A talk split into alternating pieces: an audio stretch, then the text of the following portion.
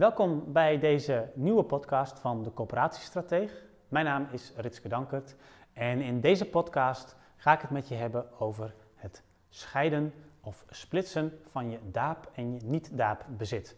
En dan met name zal ik ingaan op de volkshuisvestelijke overwegingen die je daarbij kunt hanteren.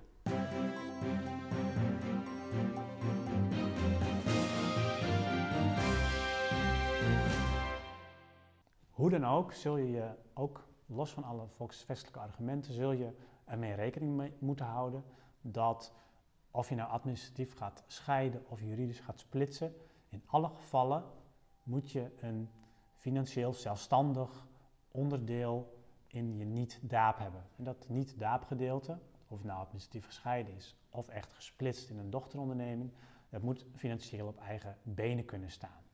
Dus dat is in ieder geval randvoorwaarde. Nou, dan kun je een aantal modellen kiezen. Je kunt ervoor kiezen om administratief te scheiden. Dan blijft het niet daar bezit binnen de toegelaten instelling, binnen je coöperatie. En dan ga je uh, wel alles administratief scheiden, dus apart boekhouden.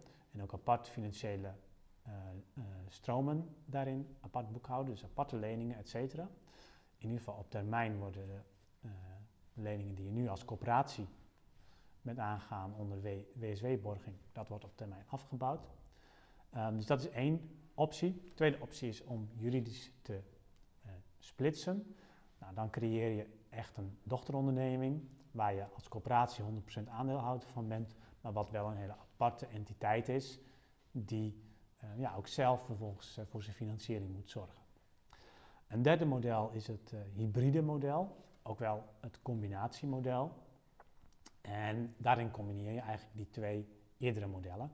Dus dan ga je een deel juridisch splitsen en een deel administratief scheiden. Kan in sommige gevallen uh, voordelen opleveren als je de voordelen van beide modellen wilt gebruiken. Een vierde optie is nog om voor kleinere corporaties om vrijstelling aan te vragen. Maar daar ga ik in deze video verder niet op in. Nou, volkshuisvestelijk gezien zijn er een aantal argumenten op basis waarvan je voor het een of voor het ander kunt kiezen. Bijvoorbeeld als je wilt blijven inspannen of wilt gaan inspannen voor de middeninkomens met duurdere huurwoningen.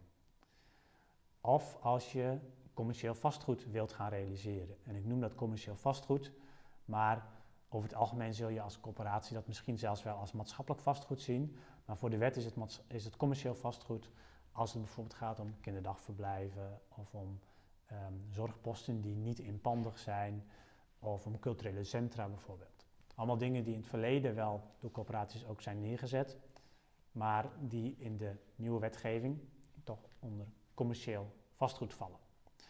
Um, nou, als je dat wilt blijven doen, het geldt overigens ook voor als je diensten wilt verlenen aan derden, dus bijvoorbeeld onderhoud en beheer voor anderen wilt gaan blijven doen of wilt gaan doen, dan um, ja, zul je goed moeten bekijken van kan ik dat blijven doen binnen een administratief gescheiden coöperatie of heb ik daar echt een dochteronderneming voor nodig?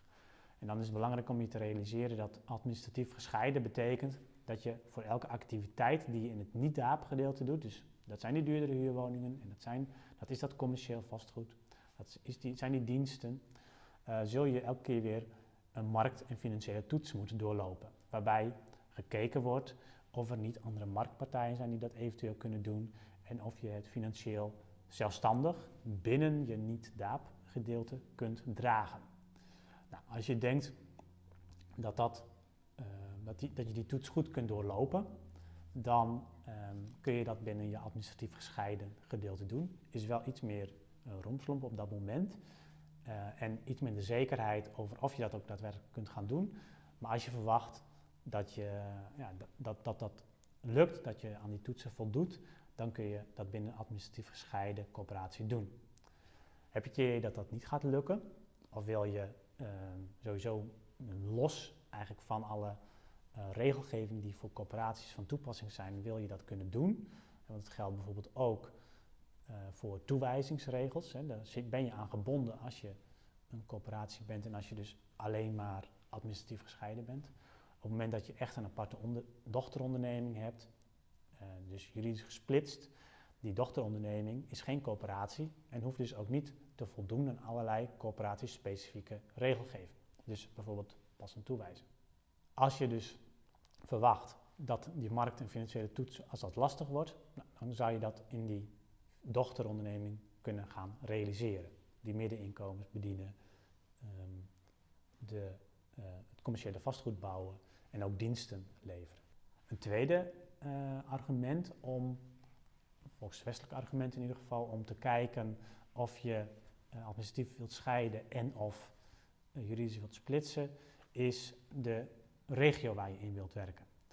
Wil je blijven of gaan werken puur en alleen binnen je eigen primaire woningmarktgebied, volgens de regionalisering zoals die op dit moment ook in het kader van de woningwet aan de gang is en wordt ingedeeld.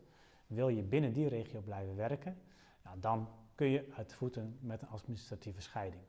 Wil je ook buiten je primaire kernregio actief blijven en wil je daar ook in investeren, of wil je daarin actief worden, nou, dan heb je weer die dochteronderneming nodig, want die dochteronderneming is wederom niet gebonden aan die regionalisering die specifiek op coöperaties van toepassing is. Dus ook daar geldt weer, uh, als je het met minder um, regelgeving specifiek voor coöperaties wil doen, dan heb je die dochteronderneming nodig. Nou, dit waren een aantal volkshuisvestelijke overwegingen om voor administratief scheiden en of juridisch splitsen te kiezen. Er zijn natuurlijk ook nog financiële en organisatorische overwegingen. Heb ik in deze video niet behandeld, maar zijn wel van belang om uiteindelijk de definitieve keuze te maken. Ik zou je in ieder geval aanraden om initieel vanuit je volkshuisvestelijke argumenten een voorkeur te ontwikkelen en vervolgens te kijken of het financieel en organisatorisch mogelijk is en of dat niet te veel uit de pas loopt met andere scenario's die je kunt kiezen.